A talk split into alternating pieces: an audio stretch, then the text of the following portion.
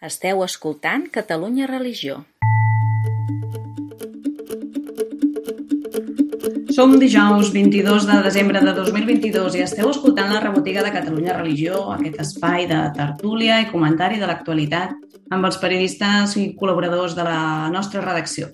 Saludem en Roger Vilaclara, Jordi Llisterri i avui convidada especial Anna Roig. Com anem? Hola, molt bon dia. Adéu-vos, Guard. Hola. I benvinguda, l'Anna. Gràcies. Benvinguda, Anna, que justament la setmana passada parlàvem de l'entrevista que et va fer en Jordi com a cap de comunicació de la Sagrada Família. Vam estar parlant uh, doncs, els temes que... Que, que va fer el Jordi a la cap de comunicació de la Sagrada Família. Sí, sí, clar, aquí qui té interès en veure Jordi les coses com són.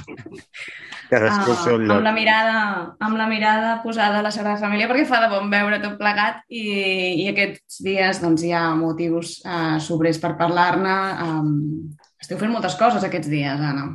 Sí, home, la veritat és que és la meva primera campanya de Nadal, però realment mm, la campanya de Nadal aquí a Sagrada Família és, està plena d'actes i de vida. La veritat és que hi ha coincidit aquest any amb totes les coses que ja se solien fer, amb la in- il·luminació no, de les dues torres del tetamort de, de l'evangelista Lluc i de l'evangelista Marc.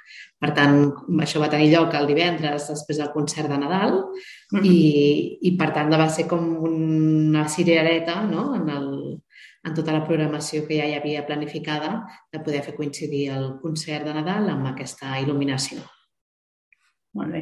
De fet, hi ha eh, aquesta paraula que surt molt quan parles de la Sagrada Família, que és la paraula llum, i a l'hivern eh, tot es va enfosquint, eh, no? arriba aquest punt que, que tots cap a casa i les festes de Nadal són motiu també de posar molta llum i la Sagrada Família fa eh, aquesta funció social que alhora també eh, té un valor de comunicació de, de l'Evangeli, no? una de les coses que, que també explicaves en aquella entrevista que comentàvem l'altre dia, eh, del poder o de la funció no? o missió que té el temple de comunicar un seguit de, de valors i de missatges, no?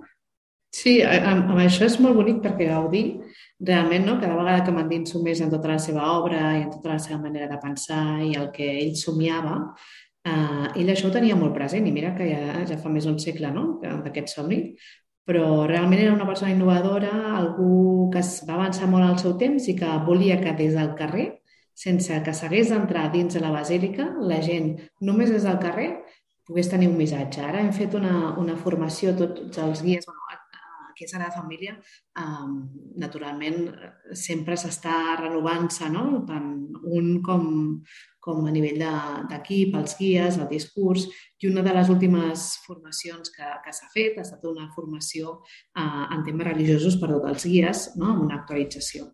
I en una d'aquestes sessions, l'altre dia, uh, un, un dels ponents ens compartia, no? doncs, per exemple, uh, Gaudí feia servir aquesta paraula, no? deia, era molt pillo i, i volia que les persones, de manera indirecta o sense ser-ne conscients, fins i tot, poguessin resar. No? I, diu, I per tant, doncs, escrivia paraules també a la, a la fatxada. Diu, per exemple, doncs, a l'Antigó, doncs, per posar èmfasi en una cosa es deia tres vegades. No? I per tant, el Santus, Santus, Santus, que està a la, a- la pedra, no? a la façana, doncs quan algú des de fora llegeix, en el mosaic llegeix Santus, Santus, Santus, i deia, doncs ja ho ha dit. No? Sant és el Senyor. Doncs ja ho ha dit. De manera indirecta, i aquesta era una, és una, una anècdota per, per entendre no? eh, que hi ha també dins eh, de la mentalitat i, i la devoció d'Antoni Gaudí de fer arribar el missatge de totes les maneres possibles, ell, el ser arquitecte, doncs des de, des de la pedra, no? però una pedra viva en aquest sentit i que parlés. No, no tornarem ara a anar a fer l'entrevista perquè la gent ja la pot llegir i, i et vas explicar molt bé i vam intentar recollir-ho el millor possible. Però sí que és veritat que hi ha sempre el tema etern de la Sagrada Família com a monument turístic, la Sagrada Família com a atracció i, i, la, i en la conversa l'accent va estar precisament amb la Sagrada Família com a temple. Mm, Mm. i, I aquesta capacitat de, de transmetre de transmetre alguna cosa més enllà de si és, de si és més bonic o, o més monumental o més espectacular. I això, però entenc que és el que us... bueno, entenc que us preocupa moltes coses, eh? però que com a comunicació és una de les coses que ara us preocupa més. Bueno, en aquella conversa, no, Jordi, i que ho recollies jo crec que molt bé, al final l'essència, el pilar de la nostra identitat és ser església. I aquest ser església eh, és, és, és l'arrel, és el tronc, és les fulles, és el fruit. I alhora som el, de fet l'altre dia va sortir, no? segons TripAdvisor, la Sagrada Família, el 2022 és el temple més bonic del món. Ostres, no sé. Orgull. Sí? Això d'allò que vota la gent, diguem. Sí, sí, sí, dels vots de la gent, doncs primer érem el d'Espanya, després es va fer de tots els monuments a tot el món, doncs quin era el més, el més bonic del món i va sortir la setmana passada que era la Sagrada Família. Doncs... I això que no està acabada. Exacte, però bueno, és aquesta capacitat no? que té que té el temple de, de fer-te sortir diferent de com has entrat. No? Si això, eh, només per la simple bueno, contemplació, per la simple fet de ser-hi, no? però fins i tot si, si tens la sort, i això és una de les coses que s'ha fet a Sagrada Família, eh, que ha estat intentar que tothom tingués accés a un, al missatge. No? I, per tant, doncs, per exemple, quan... Jo crec que això ja deu fer dos o tres anys, jo no hi era, naturalment, però, però ja van tenir també tot l'equip eh, directiu la mirada de eh, de fer arribar el missatge i això ho van fer eliminant, per exemple, o, o dit d'una altra manera, o ampliant l'audioguia de manera gratuïta a tothom. Val? Per tant, tu quan compres l'entrada ja tens una... et pots descarregar la web i ja tens una visita guiada de moltíssima qualitat val? perquè la gent no hagués de pagar més per fer l'audioguia, sinó que mm.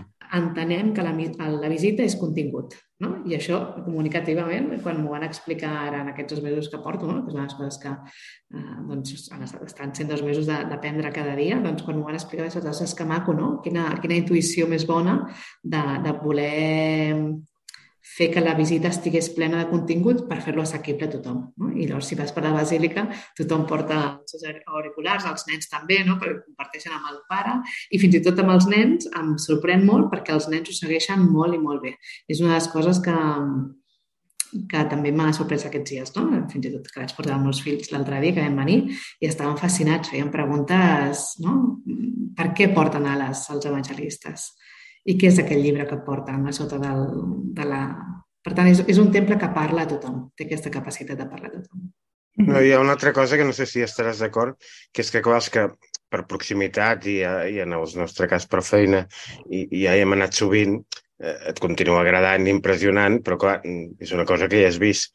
Eh, eh, entenc que la majoria de les 15.000 persones que com a mínim passen per allà cada dia, la majoria és la primera vegada eh, o sigui, entenc que, que, que l'impacte és molt més del que ens podem imaginar els que ja estem acostumats. Sí, és que hem de recordar aquella primera vegada que vam entrar nosaltres.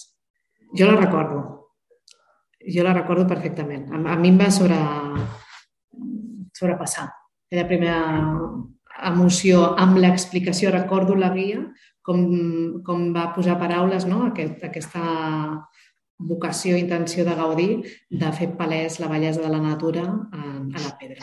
Recordo aquesta reflexió i aquell moment de sobrecogimiento, que diríem en castellà. Uh, per tant, ens hem de remetre a aquesta experiència personal per entendre què pot viure cada dia el visitant que ve. Mm. Jo sí que la recordo, aquesta també experiència. Sí? En aquell cas no, era, no, no, no duia una audioguia, però sí que ens acompanyava un senyor de la parròquia que, que s'estimava molt el temple i tenia molta, molta traça, la veritat, explicar-ho. I sé que en el moment en què vam entrar a la nau principal es va aturar l'explicació, no? Va deixar com espai al silenci i dir ara Ara sé que em puc posar la vostra pell, sé el que esteu sentint i ara a mi no em toca dir res, no? I ens va deixar circular per allà una estona, després va reprendre i, i anava, no? Objectivant les coses que, on, on podíem posar, contemplar, veure i descobrir, no? I, i t'anava fent estirar el fil. Però sí, sí, sí que recordo aquella emoció. Tot i que encara hi ha una pega, que és que com que no es pot entrar per la porta principal i s'entra pels, pels laterals, eh, de fet, l'entrada aquesta de primera vegada per la porta central, com aquell que diu, només ho va poder fer Benet XVI, que, no, que no havia estat mai a la Basílica, i tothom comenta que realment va tenir... Això mateix que expliques dels turistes, per dir-ho així, Anna, doncs tothom ho diu de que Benet XVI també va tenir aquesta mateixa, aquest mateix impacte, i ell sí que va entrar per la porta central, que és quan veus tota la, la, la longitud i plenitud de la basílica, o sigui que això quan, quan es pugui fer encara, encara passarà més. Doncs sí, mira, això, això ens ho apuntem tots, eh? També haurem de recordar aquesta primera vegada que entrem per allà. Tens raó, Jordi, que això no ho hem pogut viure... És com quan entres al Vaticà, mm. no? Exacte, és com si al Vaticà Ostres. no poguessis entrar per la, port, per la porta sí. principal, haguessis entrar per darrere, no? No seria el mateix, sí. encara. Sí. I poder empènyer la porta, no? Això ja... Una portalada. Bueno, hi havia dos senyors que es tiraven per darrere, eh? també, expliquem-ho tot, perquè sí, aquella porta un senyor, de, un senyor de 80 anys no, va, no, no, no l'obre. No. A veure, Roger, Sí, jo, Anna, després de, de l'entrevista que, que, que et va fer el Jordi, diguéssim, la conversa amb el Jordi, eh, també em quedava una mica com amb la pregunta que al final, això és un pensament que tinc jo, eh, però penso que la Sagrada Família és cert que és un edifici que és molt admirat per, per molta gent i que és un símbol de la ciutat molt gran, eh, i també a nivell d'església, lògicament, no? però que també penso, tinc la sensació que és un edifici que potser també és com el que potser un dels que rep més, pot rebre més crítiques en el sentit que eh, al final, com en, en estar en construcció, doncs cada peça o cada cosa nova que es fa, en veritat és subjecte com a, a opinions diverses, no? I jo tenia una mica el dubte o et volia preguntar com s'enfronta això a nivell comunicatiu, una mica si hi ha una, una estratègia o, o, o com s'afronten les crítiques de les novetats eh, per explicar a, a la ciutadania aquestes novetats eh, a nivell comunicatiu. Perdó, no. afegeixo, Anna, que és una mica com el Barça, eh? que tothom, tothom sap entrenar... I tant. Tothom és entrenador. Sí. Oh, sí. Uau, hauríem de fer Això la dreta, l'esquerra. Això és veritat. Mira, Roger, et diria que amb molta pau. És una de les coses que més m'ha agradat de quan, no, d'aquests eh, setmanes que porto aquí. La, bueno, la senzillesa, la humilitat, la... No sé com, es, com explicar-vos-ho, eh? La, el film, no? cuidat que hi ha en entendre tot el que va deixar Gaudí i, com, i aquesta recerca per ser fidels. A mi mm. això m'ha impressionat i, per tant, comunicativament penso que forma part de l'aire les crítiques, que algú no li agradi, no? que...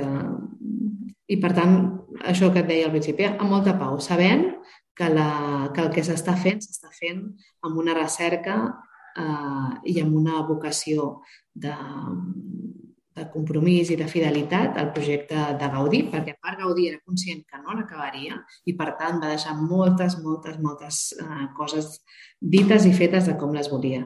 I, per exemple, quan va haver-hi l'incendi de, de, la, de la cripta, que també es va cremar al, a l'obrador on ell treballava, eh, el guix no combustiona i, per tant, moltes maquetes van sobreviure, que després les van haver de muntar i tot plegat. Per tant, ni amb l'incendi que va haver-hi el 36, eh, el, el somni i el, i el llegat de Gaudí es va poder cremar i, i tot el, no, faig així perquè està, els tinc aquí a prop, tot l'equip d'arquitectes dirigits pel, pel doctor Faulí, la veritat és que, bueno, els, jo crec que el coneixeu molts a vosaltres, no? i els oients segur que... Els, no? els vídeos més vistos de la història de Catalunya Religió, en el rànquing estan els que hem gravat alguna explicació del Faulí. Ah, sí? Sí, doncs sí, mira, sí. No m'estranya perquè uh, és, un, és una persona que transmet amb una manera molt vocacional, amb molta veritat, eh, el llegat de Gaudí. No? I, I, per tant, mira, no m'estanya, no sabia que era el, el, el més vistos de, de Catalunya Religió, però ho celebro i ho entenc.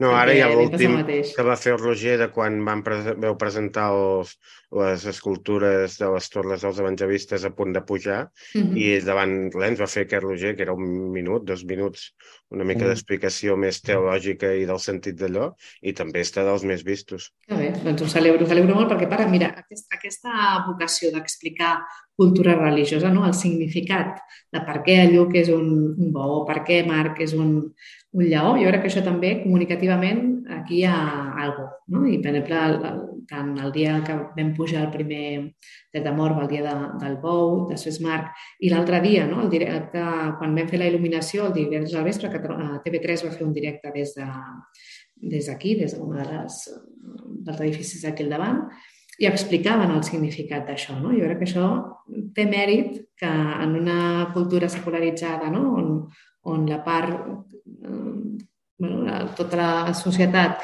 cada vegada més agnòstica o menys creient, on els símbols religiosos no s'entenen, no? poder transmetre el significat profund de, del que es fa a la família, crec que això és un, és un camí que hem de seguir aprofundint en aquest sentit i el Jordi Faulí ho transmet molt bé. Anna, abans d'anar, que, que ens agradaria que ens expliquessis què, què, què queda encara per veure aquest Nadal a la Sagrada Família, que de fet era el motiu de convidar-te avui, però era la pregunta inicial. Hi, hi ha tantes coses per provar. No, de comentar del, de l'acte del divendres, de la il·luminació de les torres, ara et faré una crítica amistosa, però quan vam sortir, els que vam tenir la sort d'estar per allà, clar, estàvem, teníem tan present el, el, tot el que va representar la Torre de Maria que vam dir, home, això ha sigut una mica fluixet avui. No, sí, no, però... va ser volgut, eh? Oi? dir, sí, sí, no, no, era, no hi era l'any passat, però, però, però sé el que veu viure, el que es va voler transmetre i realment la paraula que hem utilitzat expressament no era inauguració de les dues torres, sinó il·luminació d'aquestes dues torres, perquè la inauguració serà l'any que ve. Val? Per tant, eh, ni vam fer una convocatòria explícita a ciutadania, tampoc vam dir l'hora en què això succeiria. Val? Vam dir que això seria després del concert de Nadal, perquè era, eh, bueno, es volia fer però sense... No, no està acabat, en aquest sentit, no? el conjunt, si les dues torres autoevangelistes tenen sentit, les quatre juntes. I, per tant, entenc perfectament, Jordi, aquesta, aquesta, aquest sentiment que comparteixes i, i l'entenc i, i, i el, no és que el busquéssim, sinó que sabíem que havia de ser el que havia de ser, que era això. I a veure quan traieu la torre aquella, eh, la grua aquella per poder fer les fotos més xules. sí. Perquè és, és terrible poder fer sí, fotos allà. Sí, sí, això és un... Però clar, és que estem en construcció, no hi ha més. Això fins que no s'acabi la de Jesús, jo crec que aquesta grua... O feu-la de color negre, que les fotos de nit no es veurà tant, no? Això és, és part de la història, no? I clar, això sí que és inevitable. Uh, Anna, tornem a l'inici. Uh, doncs, uh, qualsevol persona que vulgui apropar-se aquests dies a la Sagrada Família, que hi pot trobar d'excepcional a nivell d'activitats uh, per famílies? Què teniu? Tenim uh, uns tallers de, de Nadal per famílies amb una visita guiada a la façana del naixement, amb un joc de després de descoberta pels nens i nenes i després es fan una manualitat molt mona, que és un canelobre amb una espelma i unes estrelles on també la pinten i això. És una activitat que, que agrada moltíssim a les famílies, la veritat. Crec que ja estan totes les places esgotades. Per tant, mm, sí, aquesta és la pena. Però s'esgota de seguida. Eh? Sí, vam, vam, haver de, vam haver de obrir una altra torna a la tarda al, a les 24 hores d'obrir les inscripcions perquè es van esgotar de seguida i crec que estan més que esgotades. Però en tot cas mm, poden haver-hi baixes, per tant, sempre mirar-ho i si no, apuntar-s'ho de cara al, al, a la quaresma o l'any que ve. També eh, cada vespre de 6 de la tarda a 10 de la nit s'il·luminen els grups escultòrics de la façana del naixement, s'il·luminen al pessebre, Jesús, Josep i Maria, s'il·luminen els reis, s'il·luminen els pastors, s'il·luminen els àngels i l'estrella de l'estel de, de la façana. És una il·luminació suau, no us espereu un màpic, no, és, és, no? és ficar una mica de focus, una mica de llum de ei, que ara estem en aquest moment eh, litúrgic. I, i després, eh, Dissabte hi haurà la missa del Pollet a la Basílica, val? és uh, portes obertes, per tant, tothom que vulgui fins a exaurir l'aforament és el dissabte. I després l'última... Només la feu molt d'hora, a les 7. Sí, a les 7 de la tarda, exacte. Sí, perquè dona més marge, també és una mica més llargueta, però, però és una missa que també és familiar i que és bonica, veritat. I després hi ha l'última activitat de, de Nadal que tenim, és que per primera vegada la Sagrada Família estarem presents al Festival de la Infància.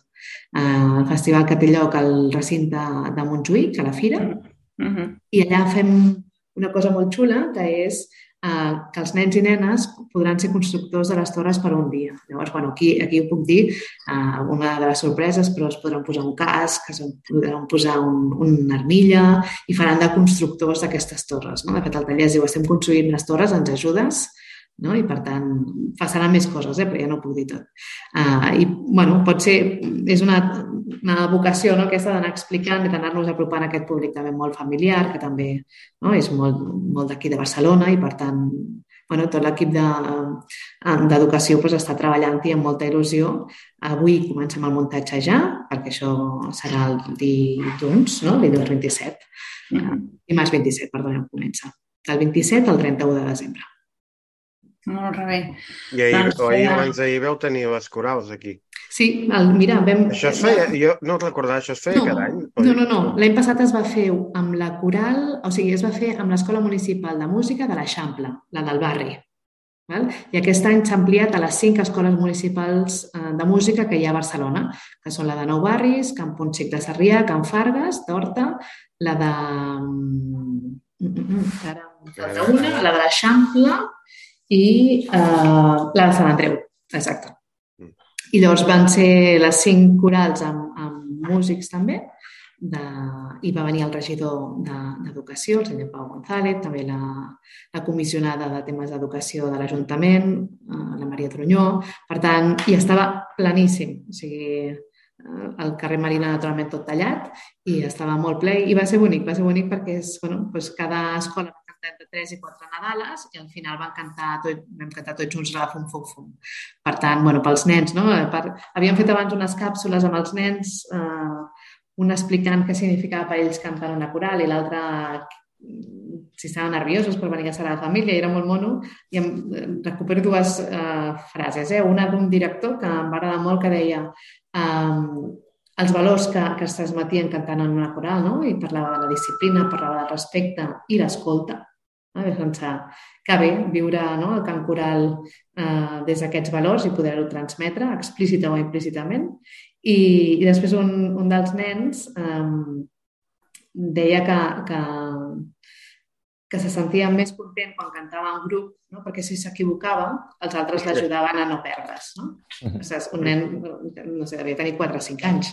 Que maco que tenia aquesta experiència amb 4 o 5 anys, no? de la, capacitat de la comunitat, de, de, del bé que et fa treballar en equip i estar junts. No? Per tant, bueno, jo crec que va ser, va ser un dia com molt entranyable. Uh, I la veritat és que el, els pares i els avis que van venir, eh, clar, tots orgullosos no? de, de veure el seu nen o nena davant de la façana del naixement. Jo crec que també serà una cosa que ells recordaran. Per tant, estem contents de com va sortir. Eh? Molt rebé. D'aquest tema que deies de, del sentit de la coral i això en vam parlar, eh, ho explicava també en uns termes molt similars en, en Gerson Jalabert, en un podcast que vam gravar fa dies enrere, mm -hmm. sobre, sobre el gospel, que ell doncs també sí. comunicava aquesta vivència de, I tant, i tant. del grup, de l'escolta, del respecte, així que, que em va parlar així també. Us recomanem que... que... Escolta, Anna, doncs moltíssimes, moltíssimes gràcies per ser aquí avui amb nosaltres. A vosaltres, a vosaltres i gràcies per la feina. Abans d'acabar, ja que has dit de ser aquí, potser heu notat una certa reverberació en l'àudio de l'Anna, que sembla de vegades que estiguis dintre el temple. Si ens pots explicar on estàs. Com aquestes parets molt rectes no són. Les no, no, no, no estem... Com que nosaltres ho fem per Zoom, clar, els oients no ho veuen, però clar. nosaltres et veiem la, les persones que treballem aquí tenim la sort de treballar en un annex a la basílica, no? estem en una del, a sobre de la sacristia i, per tant, l'edifici segueix no? Les línies de Gaudí, els vidres, ja ho veieu per aquí darrere, que tot és, no? tot segueix sent Gaudí en aquest sentit. Sí, acústicament és veritat potser que, que no és el millor per fer un podcast, però bueno, és l'espai que tenim i des d'aquí intentem transmetre el millor que podem. Hem sentit que tenim... En Jordi a vegades és una mica quisquillós. No, no, és que sembla que t'haguem posat un efecte d'àudio de mossèn i no, és, és que estàs en un lloc que sona així.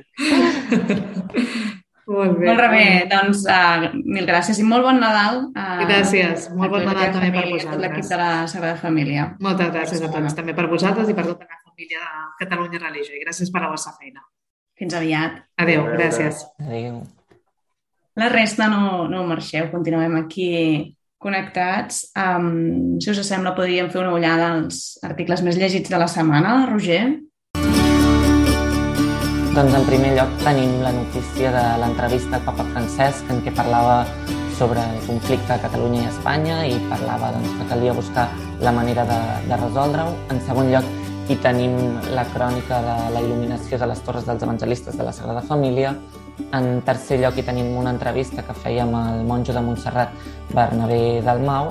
En quart lloc, hi tenim un petit reportatge sobre el Centre Sociosanitari Mare de Déu de la Salut que porten les Germanes de la Caritat de Santa Anna, que és un centre que atén persones amb, amb SIDA, amb VIH, i en cinquè lloc hi tenim un article en què parlàvem sobre el simbolisme dels ornaments vegetals de Nadal. Aquesta primera peça més llegida de, del papa ha circulat molt, se n'ha ha donat molts titulars, eh? Um, sí. amb aquest busqueu la manera de resoldre-ho? Eh, sí. Jordi? Jo, com que està escrit i publicat, la gent ho pot llegir, per tant no, no cal tornar a explicar. Però convidaria convidaria els lectors a, a llegir l'entrevista original, per, primer perquè hi ha moltes coses Evidentment, aquí hem destacat el tema que afecta Catalunya perquè és el que ens és certament més proper, però hi ha, hi ha moltes altres continguts de l'entrevista que, que el papa continua sent el, el, el papa amb aquesta capacitat de sorprendre. I després recomanaria la lectura perquè vam recollir les declaracions del que deia el papa, però la lectura de l'entrevista també, a veure, una entrevista al diari ABC que no cal que descrigui jo quina és la seva línia editorial i política i, per tant, quines expectatives podien tenir sobre el discurs del papa sobre el tema de Catalunya. I, i és un esforç dels periodistes per anar portant el papa cap al seu terreny i no en sortir-se'n. És a dir, que no, quan tot el tema més doncs, això d'enfocar-ho de, de, com un tema doncs, del secessionisme, bueno, de donar una visió um, molt determinada del, de la situació de Catalunya, i el papa fa una mirada global que s'hi pot estar d'acord o no, a veure, això no és magisteri de l'Església, eh? vull dir, és una opinió del papa, i al final ho enfoca cap a, cap a una de les coses que pot, evidentment, dir l'Església, que és que al final es tracta de que, de que hi hagi pau i que, i que, i que se solucionin els problemes. Però afegeix, que això crec que és el que descol·loca molt els redactors afegeix i bueno, es pot solucionar de quals, com a Europa s'ha solucionat en altres contextos doncs, de moltes maneres diferents. Pot haver doncs, un, un, un, un estatut especial, hi ha països que s'han creat nous i hi ha, hi ha llocs on s'ha gestionat d'una altra manera i escoltin, doncs, posin-se d'acord i facin-ho com vulguin, però en, en cap moment va plantejar la defensa de la sacrosanta no sé què, unitat o coses d'aquestes, sinó senzillament el que va dir, el que va dir el papa és que amb aquest tema el que es tracta és de, de trobar una solució i fins i tot hi ha un moment que diu jo no sé si ara és el moment o de vegades aquests processos són molt llargs però alguna, alguna solució s'haurà de trobar. I després fan un altre joc que és que a dintre aquest context el papa diu que després els capellans amb aquests temes no s'han de posar en política. Aquí mm. sempre hi ha la, la pregunta de que, fins a quin punt és posar-se en política, mm, denunciar determinades coses de temes polítics, potser sí que ho ha de fer l'Església i, i, i per alguna gent serà això entrar en política i per altra no. Però el papa ho fa en referència en qualsevol context d'aquest tipus i, i quan diu que els capellans van entrar directament a la concreció política, ho diu tant com per l'Església de Catalunya, com pels capellans de, de, de tot Espanya, com pels capellans de, de França o, de, o, o del nord d'Europa, és igual, o d'Itàlia. Mm? I llavors, l'ABC fa el titular del, que en alguns llocs després les agències de notícies ho van repetir així, del papa dice les cures catalanes que no se meten en política, com si fos els únics que es podrien posar en política, i això més el papa no, no ho diu, ho diu com un concepte general que afecta a tothom, igual que podies titular el papa pide a los obispos catalanes, a les cures catalanes que no se meten en política, el papa pide a cures espanyoles que no se meten en política, o el papa pide a los cures italianos que no se meten en política. No, no era una, una assenyalar directament un, el, el col·lectiu dels capellans catalans o de l'Església de Catalunya. bueno, que és bo llegir-ho eh, llegir l'entrevista sencera amb aquestes claus eh, i llegir entre línies que hi l'esforç doncs, d'intentar que l'entrevistat et digui una cosa quan ell te'n diu una altra. D'anar a buscar un titular que no, no els hi ha regalat, diguéssim. Mm -hmm. No, perquè el titular final era aquest. D'una banda, posin-se d'acord i d'altra banda, dir, escolti, pues, això s'hi soluciona d'una manera o d'una altra, això sí que és una qüestió política i que l'Església no té res a dir. Doncs mira, si es posen d'acord per, per continuar tot igual o per renovar un estatut o per, o per fer un referèndum d'autodeterminació o per no sé què, mentre es posin d'acord vostès mateixos. Això nosaltres no hi entrarem ni sortirem. De fons es llegeix una cosa que sempre surt amb els textos i les, no, que, que parla en públic el papa Francesc, que és el tema de l'escolta. No, no, hi, no hi ha conflicte que es pugui solucionar si no s'entra en un diàleg de, veritable, escoltant uh, a l'altre i comprenent no?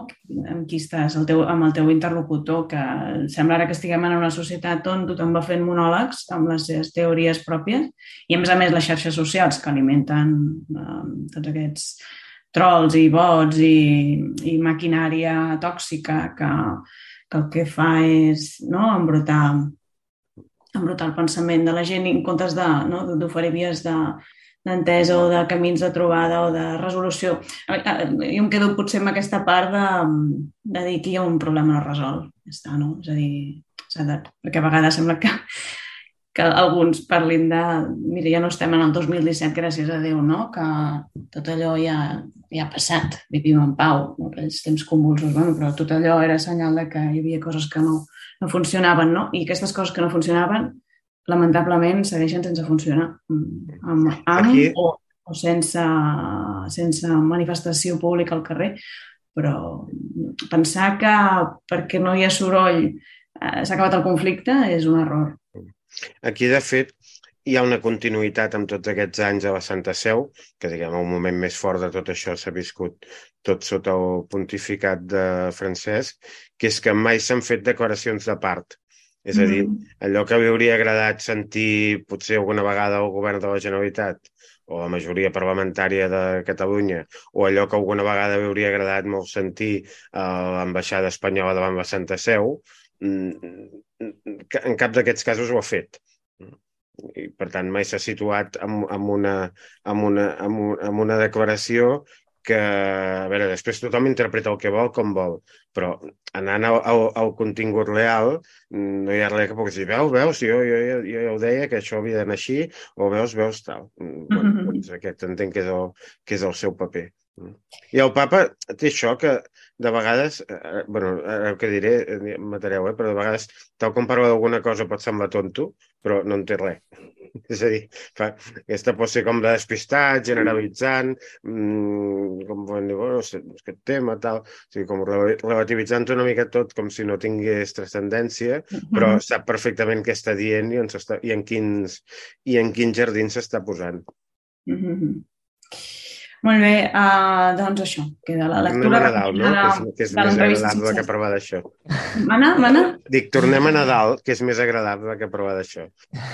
Sí, perquè tenim una etiqueta especial. Um, si navegueu a, és a dir, al, al portal Catalunya Religió, sabeu que des de...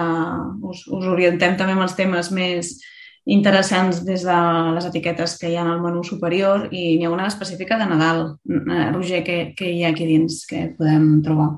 Exacte, si en portada veureu l'etiqueta Nadal, si cliqueu podreu trobar un recull de, de, de les notícies, dels articles que estem fent aquests dies sobre, sobre la temàtica de Nadal i podeu trobar articles que, que mm, intentem poder doncs, explicar-vos on podeu sentir el cant de la civil a la nit de Nadal, hi ha doncs, també aquest del que parlàvem dels més llegits del simbolisme dels ornaments vegetals de Nadal. Expliquem també doncs, campanyes de Nadal que s'estan fent eh, a diferents entitats. Parlem, per exemple, tenim doncs, un, un article sobre el simbolisme de les figures del pessebre eh, que explicava el Caputxí Valentí Serra. Per tant, aquí anirem eh, recollint tots aquests articles. A més a més, també en, en tenim futurs, no? tenim articles que estem treballant sobre pessebres que hem anat a visitar, i, i d'altres que, que, els podreu, que els podreu trobar en aquesta etiqueta, així que us animem a que si voleu doncs, conèixer aquestes notícies, ho pugueu fer clicant, clicant aquesta etiqueta. Sí, aquest any veurem pessebres, no? Exacte, sí. I de, i de diferents tipus, eh? vull dir, una mica de tot. Hi ha Playmobils, també, en aquests pessebres? Jo crec Oh. que hi haurà Playmobils també, Laura. En, en Ah. algun moment hi haurà Playmobils. Tenim un corresponsal que ens diu que ens enviarà. Molt bé, molt bé. Doncs estarem amatents a aquesta diversitat de pessebres, tants pessebres com persones que, sí, que els organitzen, perquè cada casa eh, és diferent, és diferent. Sí. No teniu a punt o no el de la casa vostra? Nosaltres a casa sempre anem molt tard, he de dir, ho he de reconèixer. Però, però està a punt, a punt. No el vau fer per Santa Llúcia, eh? No, no, no, no perquè no, no, no hi ha hagut el moment per fer-ho. Jo algun any he anat molt tard, però eh, eh, no, no he arribat a Santa Llúcia, però em sembla que era el, el, el dissabte i ja, ja va estar solucionat. I que ja ho tenim. I el que sí que fem és que fins a Can de Vera està allà, eh?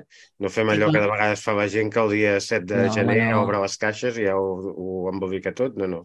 Fins a Can de Vera allà ben present. Molt bé, Totalment. molt bé, molt bé. Doncs, També eh, aquests dies de Nadal els, recordar també els, els, els donants que tenim de la Fundació, que reben també el Catalunya Religió paper a casa, que també han rebut la postal de Nadal. Sí, Aquest any, de fet, aquest any em sembla que la proposta va ser teva, Laura. la proposta va ser meva, de, de, de text, de persona aquí encarregada de la postal, eh? Uh -huh.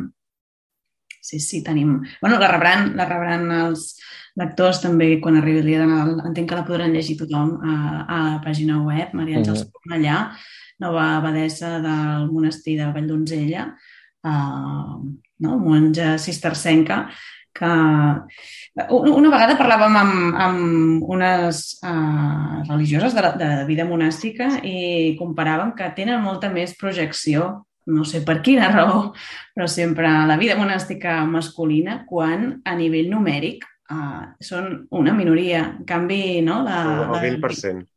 Eh? El 20% em sembla El més o menys. 20%. I mireu Sí, el 20% quantes vegades surten. De monjos i monges, el no? 20% són homes i el 80% són dones. Ostres, que fort. Això no ho sabia. Ah, sí, en canvi, si analitzem la no, projecció mediàtica comunicativa, la capacitat de fer-se visibles i de, no, de, de, de generar, quan tu tens un arquetip no, que, que, que et ve al cap de seguida, eh, és la part de, de vida religiosa masculina i, i mira, bueno, és, jo crec que és important eh, que, que, que fem parlar aquestes persones perquè tenen un món interior, evidentment, molt ric però a més a més l'encomanen i el saben contagiar. No? Um, sembla que a nivell de mantenir això que deia l'Anna també, no?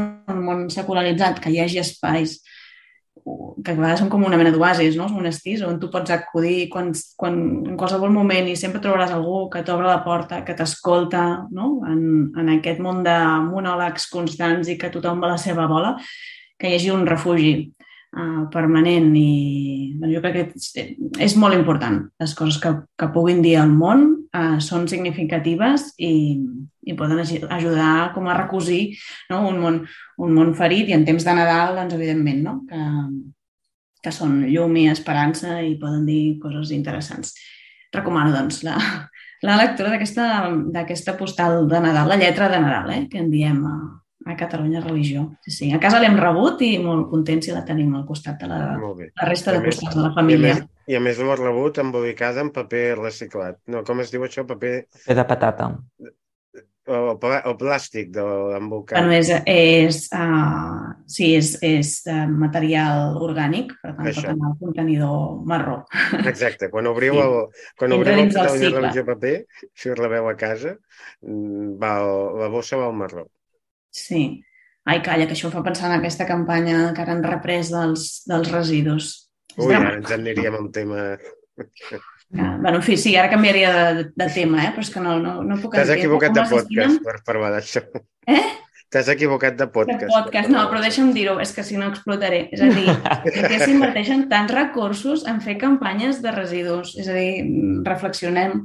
Mm, Primer hi ha el, el reduir, abans del reciclar, però sempre, sempre s'ha de reduir. no hem d'arribar a generar el residu, però en fi, ja, si ja hi som i el, i el generem, doncs sí, mirem que sigui dins d'aquest cercle virtuós que permet doncs, d'una patata fer una bossa i que aquesta bossa serveixi per, per material compostable i que torni a donar vida. Clar que sí. Mira, no, no era el tema d'avui, però ja que som, també explicaré que no deixa de tenir la seva complicació, eh? Perquè, uh, de fet, eh, hem de confessar que va ser, és la Laura la que ens ha apretat més per dir, escolta, això no pot ser que sigui tant de plàstic i això. I vam estar mirant, i clar, un dels problemes que té el fer-ho amb un material que al final és compostable, que és orgànic, és que, clar, tampoc pot tenir molt de temps al magatzem. Llavors, això demana tenir una previsió més, més certa de quin dia tens previst enviar un quines... Més que el dia tampoc és una cosa que en un dia es desintegri sol, però per quines dates tens previst fer l'enviament i llavors fer l'encàrrec del material mm -hmm. que necessites per al dia que facis l'enviament i que aquell material tingui... Eh, però no el pots guardar durant un any i anar-lo utilitzant, sinó que has de tenir una planificació més, més, més, eh, més prevista per, per, per, mm -hmm. perquè no se't faci malbé, cosa que amb el plàstic pur i dur doncs no passa, però bueno, hem fet, aquest, sí. hem fet aquest esforç. Sí, perquè, sí, perquè si no... Perquè la Laura després pugui compostar-ho i fer créixer el seu hort. Això. de tomàquets. Sí, sí. Sí, no, perquè si no el negoci de Catalunya Religió, eh, la finalitat de, de la feina que feu en comptes de, de um, treballar el periodisme religiós seria la cria de, uh, no sé com se'n diria això, quan si acumuleu molts papers d'aquests que, bueno, que faríeu un humus allà, una cosa, un verdet, o vés a saber... He de dir que no, no acabo d'entendre per on vas, però... Podríeu vendre bolets, si acumuleu. Sí. Podríeu acumular bosses i quedaria allò fet molt bé. Res, uh, va, que això ja està degenerant. Home, provaré d'anar pilant els números que anem rebent i a veure si amb el temps allà surt alguna cosa. Un punt d'humitat està aplicat. Molt bé, escolteu, uh, que passeu molt, molt bones festes, descanseu si podeu, molt bon Nadal, Sant Esteve i etc. I, i... El portal no, no pararem, però no, a la botiga sí que fem una pausa nadalenca. Reprenem tornant, tornant de Reis, sí? Sí. Molt bé si us sembla bé, ja quedem d'aquesta manera amb vosaltres i amb els oients. Gràcies per seguir-nos una setmana més i, com, com dèiem, el portal segueix, per tant, podeu consultar l'actualitat religiosa del nostre país a catalunyareligio.cat, a xarxes socials, Twitter, Facebook, Instagram, etc etc etc. Uh, gràcies, una abraçada i heu i molt, molt bon Nadal. Gràcies Jordi Llisterri, Roger Vilaclara, s'acomiada també una servidora, Laura Mort. Bon Nadal. Bon Nadal a tothom.